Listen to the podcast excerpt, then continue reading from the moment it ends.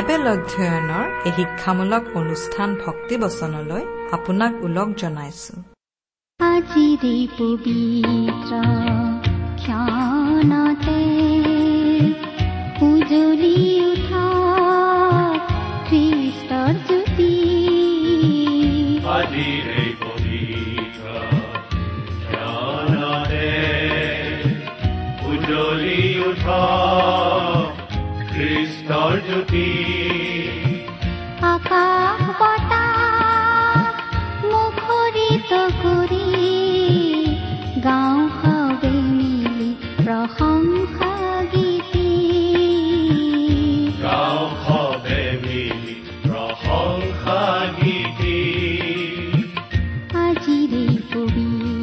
শ্ৰোতা ভক্তিভূষণ অনুষ্ঠান শুনিবলৈ আপুনি সময়কণ উলিওৱাৰ বাবে বহু ধন্যবাদ।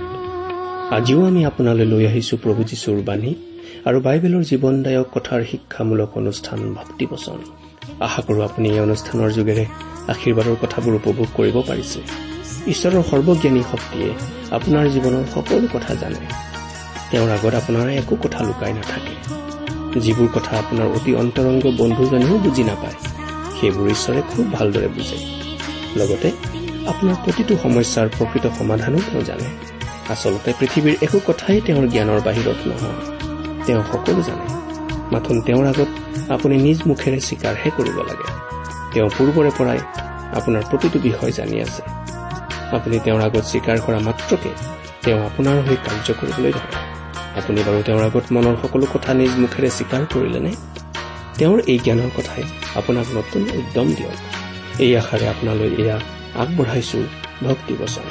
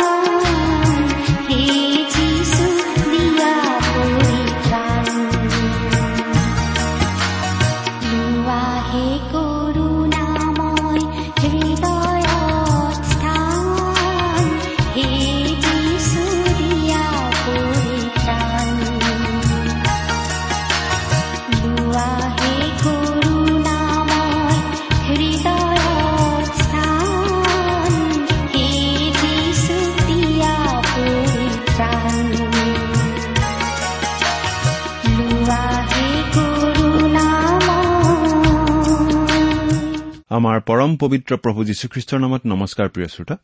আশা কৰো মহান পিতা পৰমেশ্বৰৰ মহান অনুগ্ৰহত আপুনি ভালে কুশলে আছে। লগতে এই বুলিও আশা কৰিছো যে আপুনি আমাৰ এই ভক্তিবচন অনুষ্ঠানটো নিয়মিতভাৱে শুনি আছে। যদি আজি প্ৰথমবাৰৰ বাবে শুনিছে শুনি কেনে পালে আমালৈ চিঠি লিখি জনাবচোন। আহকচোন বাইবেল অধ্যয়ন আৰম্ভ কৰাৰ আগতে খন্তেক প্ৰাৰ্থনাত মূৰ দুৱাওঁ। হে আমাৰ স্বৰ্গত থকা মহান পিতৃ ঈশ্বৰ প্ৰথমতেই তোমাক ধন্যবাদ দিওঁ কাৰণ তুমি আমাক আকৌ এটা নতুন দিন দেখিবলৈ দিলা। আৰু তোমাৰ বাক্য অধ্যয়ন কৰিবলৈ আমাক আকৌ এটা সুযোগ দিলা। তোমাৰ বাক্যৰ নিগূঢ় তত্ব বুজাই দিয়াৰ ক্ষমতা আমাৰ নাই সেই সামৰ্থ্য আমাৰ নাই তুমিয়েই আমাক বুজাই দিয়া। আমাৰ প্ৰয়োজন অনুসাৰে তুমিয়েই আমাৰ প্ৰত্যেককে কথা কোৱা।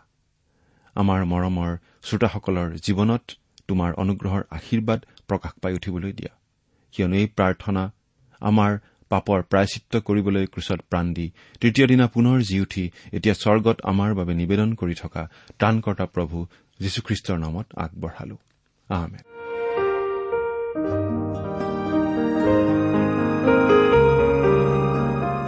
প্ৰিয় শ্ৰোতা আপুনি যদি আমাৰ এই ভক্তিবচন অনুষ্ঠানটো নিয়মিতভাৱে শুনি আছে তেনেহলে আপুনি নিশ্চয় জানে যে আমি আজি কিছুদিনৰ পৰা বাইবেলৰ পুৰণি নিয়ম খণ্ডৰ চলোমনৰ পৰম গীত নামৰ পুস্তকখন অধ্যয়ন কৰি আছো।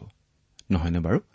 যোৱা অনুষ্ঠানত আমি এই পৰম গীত পুস্তকখনৰ পাঁচ নম্বৰ অধ্যায়ৰ শেষৰটো পদলৈকে পঢ়ি আমাৰ আলোচনা আগবঢ়ালো।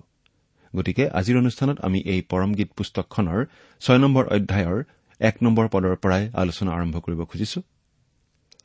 আমাৰ এই অনুষ্ঠানটো বাইবেল অধ্যয়নৰ অনুষ্ঠান গতিকে এই অনুষ্ঠান শুনিবৰ সময়ত লগত বাইবেল এখন লৈ ল'বলৈ আমি শ্ৰোতাসকলক সদায় অনুৰোধ জনাওঁ। আপুনি বাৰু বাইবেল এখন মেলি লৈছেনে? এই চলোমনৰ পৰম গীত ৰজা চলোমন আৰু এগৰাকী সাধাৰণ ছোৱালীৰ মাজৰ প্ৰেমৰ গীত। ৰজা চলোমনে এজন ভেড়াৰখীয়া হিচাপে সেই ছোৱালীজনীৰ প্ৰতি প্ৰেম নিবেদন কৰিছিল আৰু অৱশেষত এদিন তাইক ৰাজপ্ৰাসাদলৈ লৈ আহিছিল। চলোমন ৰজা আৰু সেই চুলেমিয়া ছোৱালীজনীৰ প্ৰেমৰ মাজেৰে আচলতে প্ৰভু যীশুখ্ৰীষ্ট আৰু তেওঁৰ বিশ্বাসী খ্ৰীষ্টীয় লোকসকল অৰ্থাৎ খ্ৰীষ্টীয় মণ্ডলীৰ মাজত যি প্ৰেম যি ভালপোৱা সেই কথা প্ৰকাশ কৰা হৈছে। প্ৰভু যীশু আৰু খ্ৰীষ্টীয় মণ্ডলীৰ মাজৰ প্ৰেম সহভাগিতা কেনে গভীৰ হ'ব লাগে আৰু হ'ব পাৰে তাৰ মনোমোহা আকৰ্ষণীয় ছবি আমি এই গীতকেইটাৰ মাজেদি পাওঁ। আমি আগতেও আৰম্ভণিৰ পৰা কৈ আহিছো যে পৰম গীতৰ চলোমন আমাৰ পৰিত্ৰাতা প্ৰভু যীশুৰ ছবি আৰু সেই চুলেমিয়া ছোৱালীজনী বা চুলেমাইট তেওঁৰ পবিত্ৰ মণ্ডলীৰ ছবি আৰু তেওঁলোকৰ মাজৰ যি গভীৰ ভালপোৱাৰ সম্বন্ধ সেয়া প্ৰভু যীশু আৰু মণ্ডলীৰ মাজৰ স্বৰ্গীয় আৰু অতি মধুৰ সম্বন্ধ। ব্যক্তিগত হিচাপে এইটো সত্য ঘটনাৰূপে হলেও বিশ্বাস কৰিব পাৰো। নাইবা পবিত্ৰ আত্মাৰ দ্বাৰাই পৰিচালিত হৈ মণ্ডলীক শিক্ষা দিবলৈ ৰজা চলোমনে এনে গীত ৰচনা কৰা বুলি কলেও আমি মানি ল'ব পাৰো।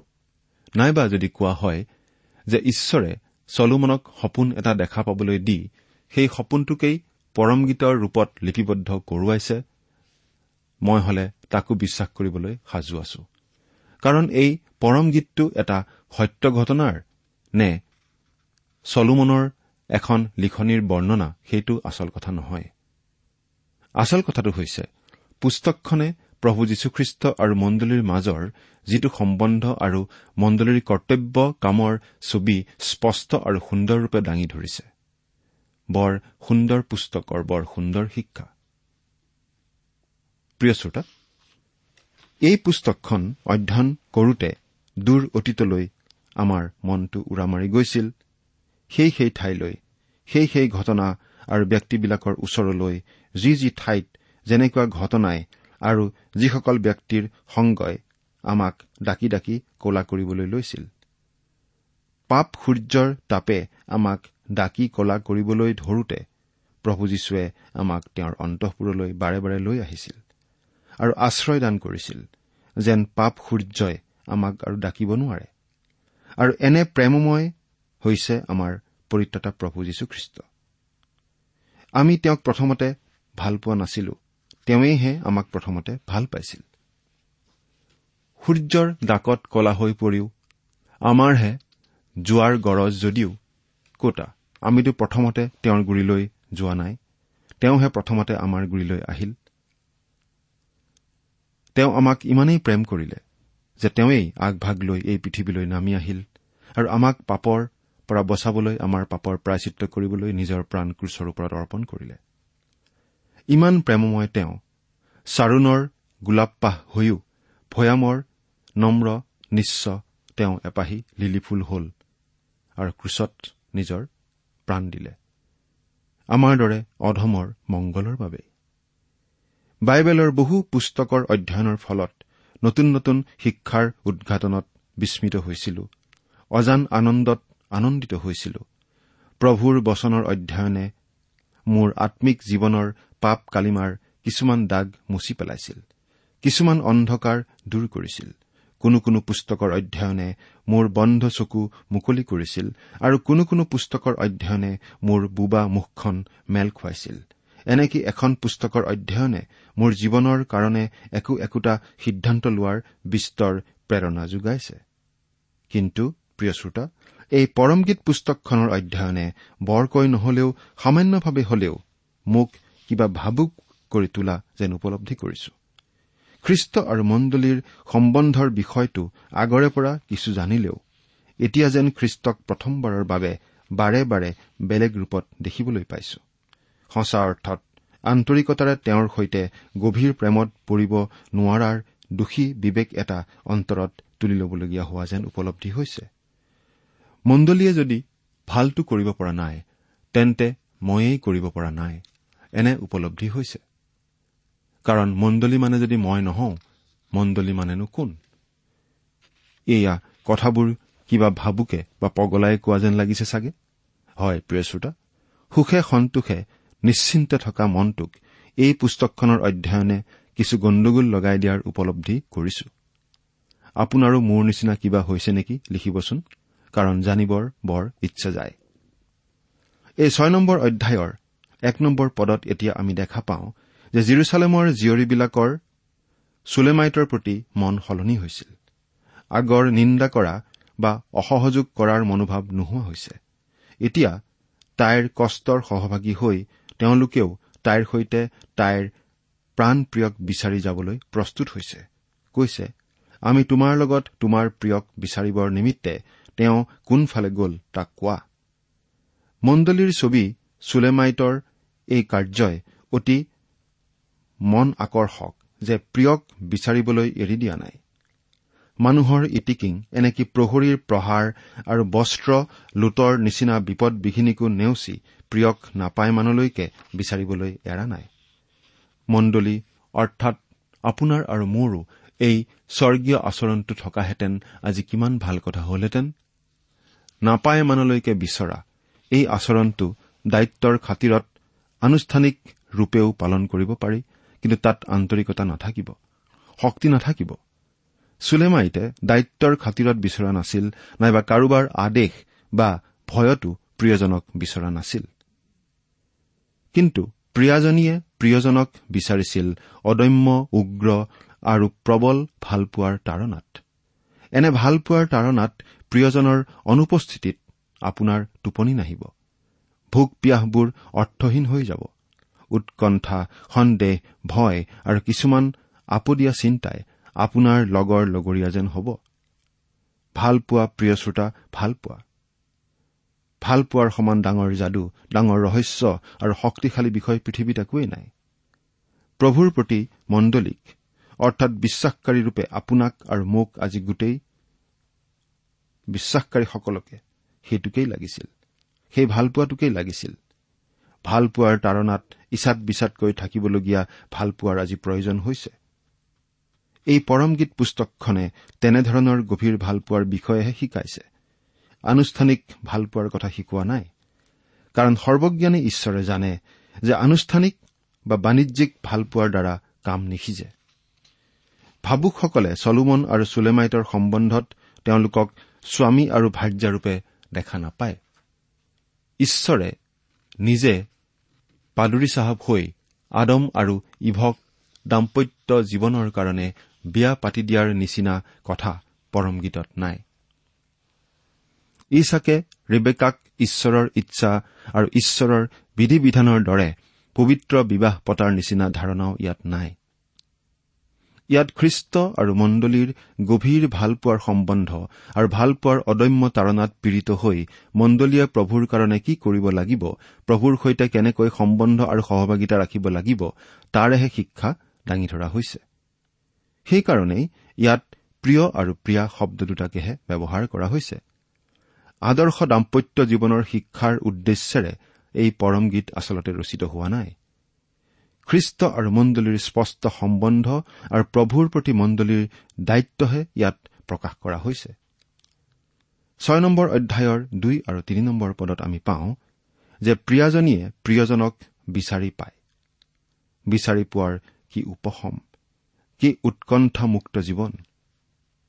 দুগৰাহ বেছিকৈ খাব পৰা কি সুস্থ মানসিক পৰিৱেশ? স্বয়ং পিতা ঈশ্বৰেই কৈছে এওঁ মোৰ প্ৰিয় পুত্ৰ এওঁত মই পৰম সন্তুষ্ট। লোক ন অধ্যায় পঁয়ত্ৰিশ পদ। তেনেস্থলত তেওঁক বিচাৰি পালে মণ্ডলী সন্তুষ্ট হ'ব নোৱাৰিবনে? প্ৰিয়াই প্ৰিয়ক বিচাৰি পোৱাৰ আৰু এটা কাৰণ হৈছে এইটোৱেই যে প্ৰিয়াই সঠিককৈ জানিছিল তাইৰ প্ৰিয়জন কলৈ গৈছিল। খ্ৰীষ্টৰ সৈতে মণ্ডলীৰ সহভাগিতা বিচ্ছেদ হোৱাৰ সঠিক কাৰণটো মণ্ডলীয়েও জনা উচিত যাতে ছিগি যোৱা বিনাৰ তাঁৰ সোনকালে জোৰা লগাব পৰা যায়। এতিয়া আমি চাৰি নম্বৰ পদৰ পৰা ন নম্বৰ পদলৈকে পাঠ কৰি দিম। হে মোৰ প্ৰিয়া তুমি তিৰছাৰ নিচিনা সুন্দৰী জিৰচালেমৰ সদৃশ ৰূপৱতী ধ্বজা থকা সৈন্য সামন্তৰ নিচিনা ভয়ংকৰী। তুমি মোৰ পৰা তোমাৰ চকু দুটি আঁতৰ কৰা কিয়নো সেয়ে মোক পৰাজয় কৰিলে। তোমাৰ কেশ গিলিয়ত পৰ্বতৰ ছালত শুই থকা ছাগ এজাকৰ নিচিনা।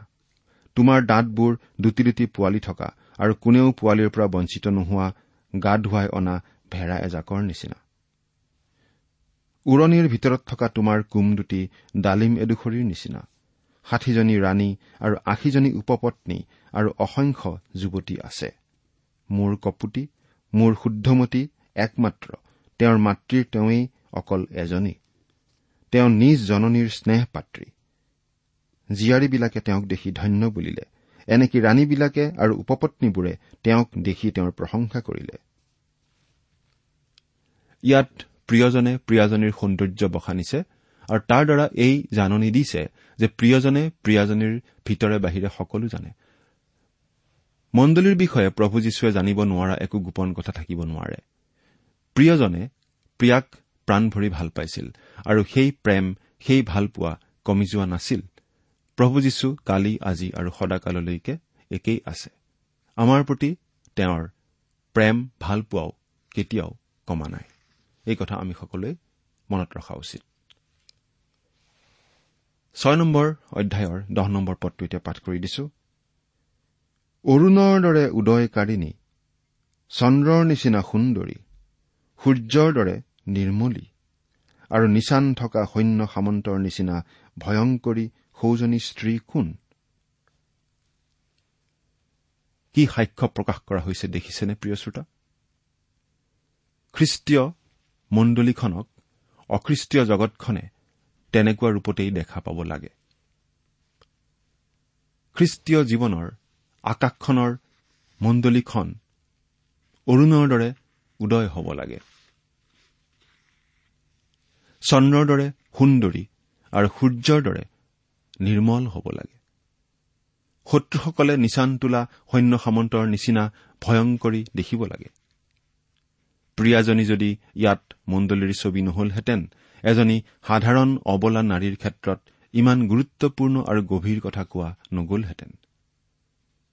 জগতৰ দৃষ্টিত যেন মণ্ডলী তেনেকুৱাই হ'ব পাৰে জগতখনে মণ্ডলীৰ ক্ষেত্ৰত তেনেকুৱা সাক্ষ্য দিব পাৰে সেইটো ঈশ্বৰে খ্ৰীষ্টীয় মণ্ডলীৰ পৰা বিচাৰে।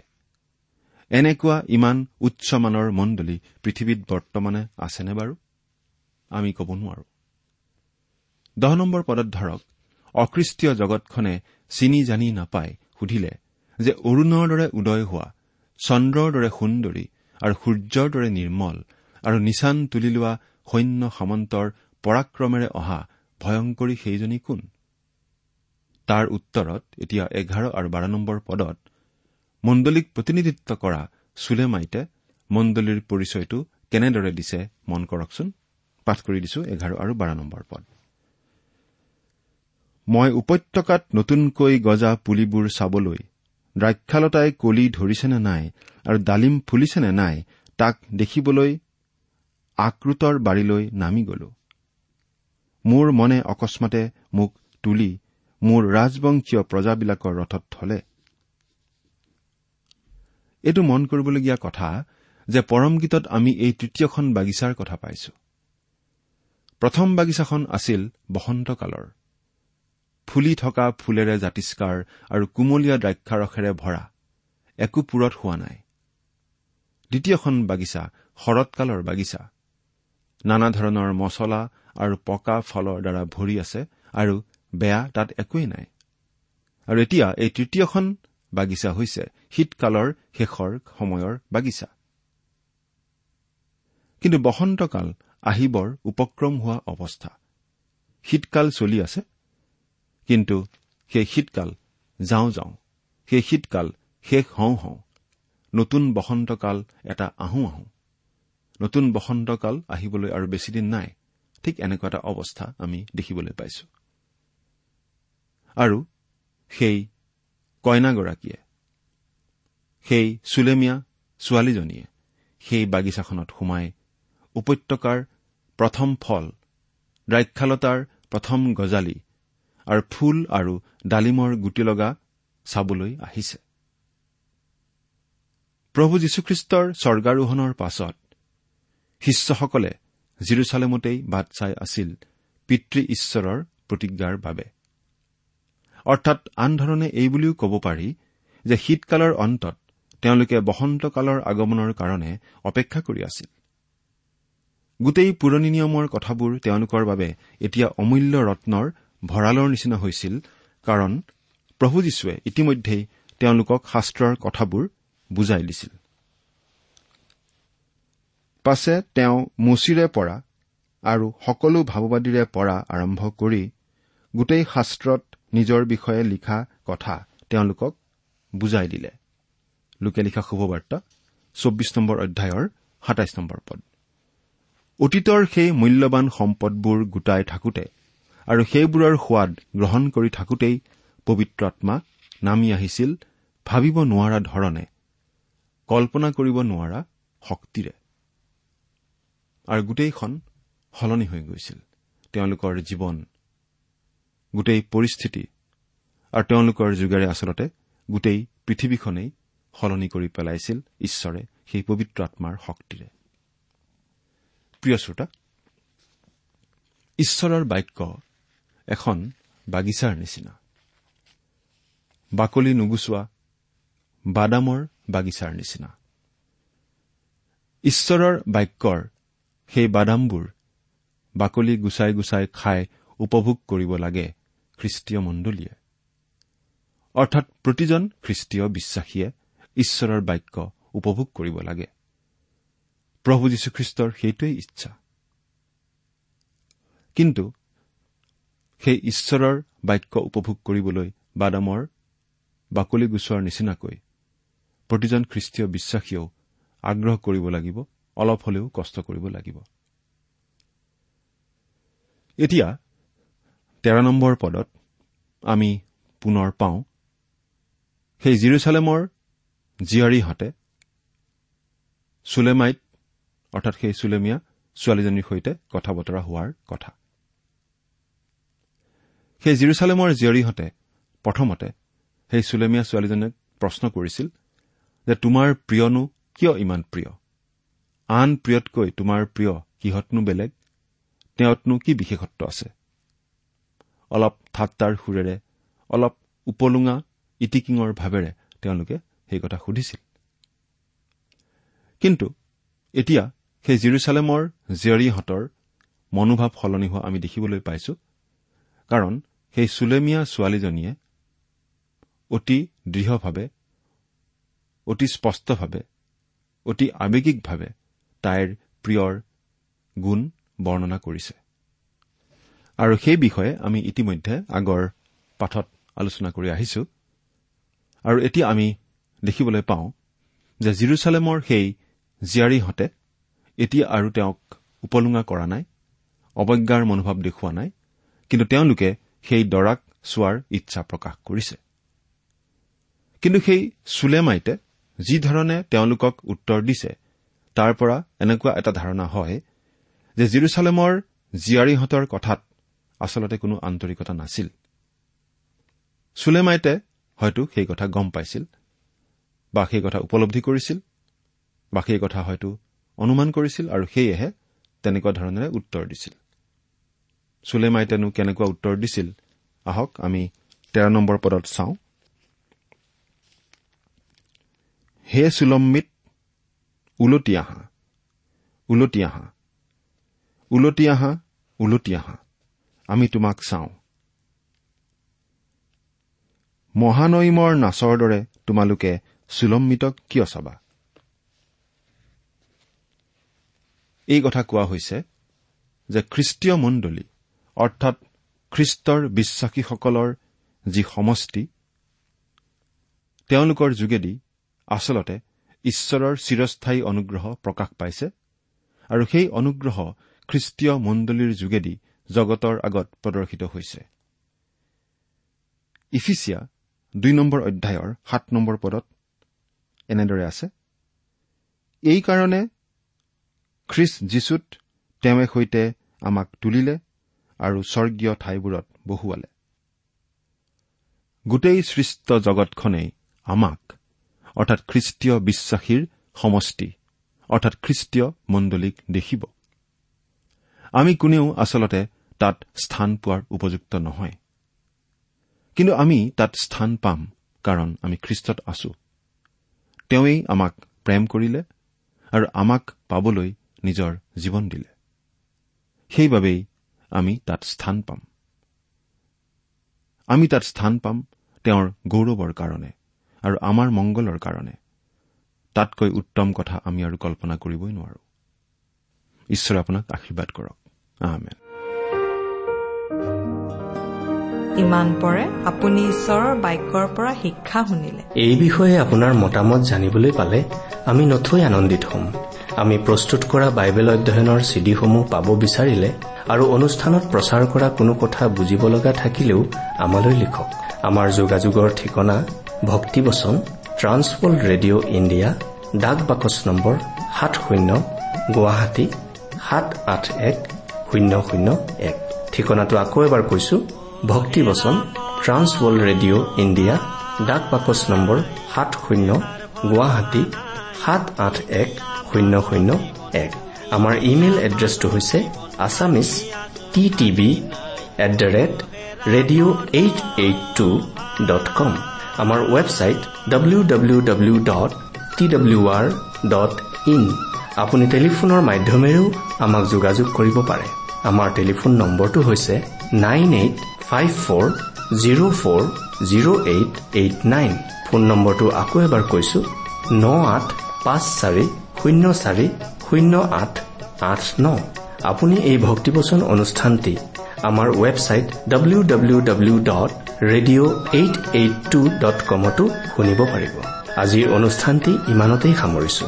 ঈশ্বৰৰ শান্তি আৰু অনুগ্ৰহ আপোনাৰ লগত থাকক। ধন্যবাদ। মাটিৰ দেহা মাটিত মিলিব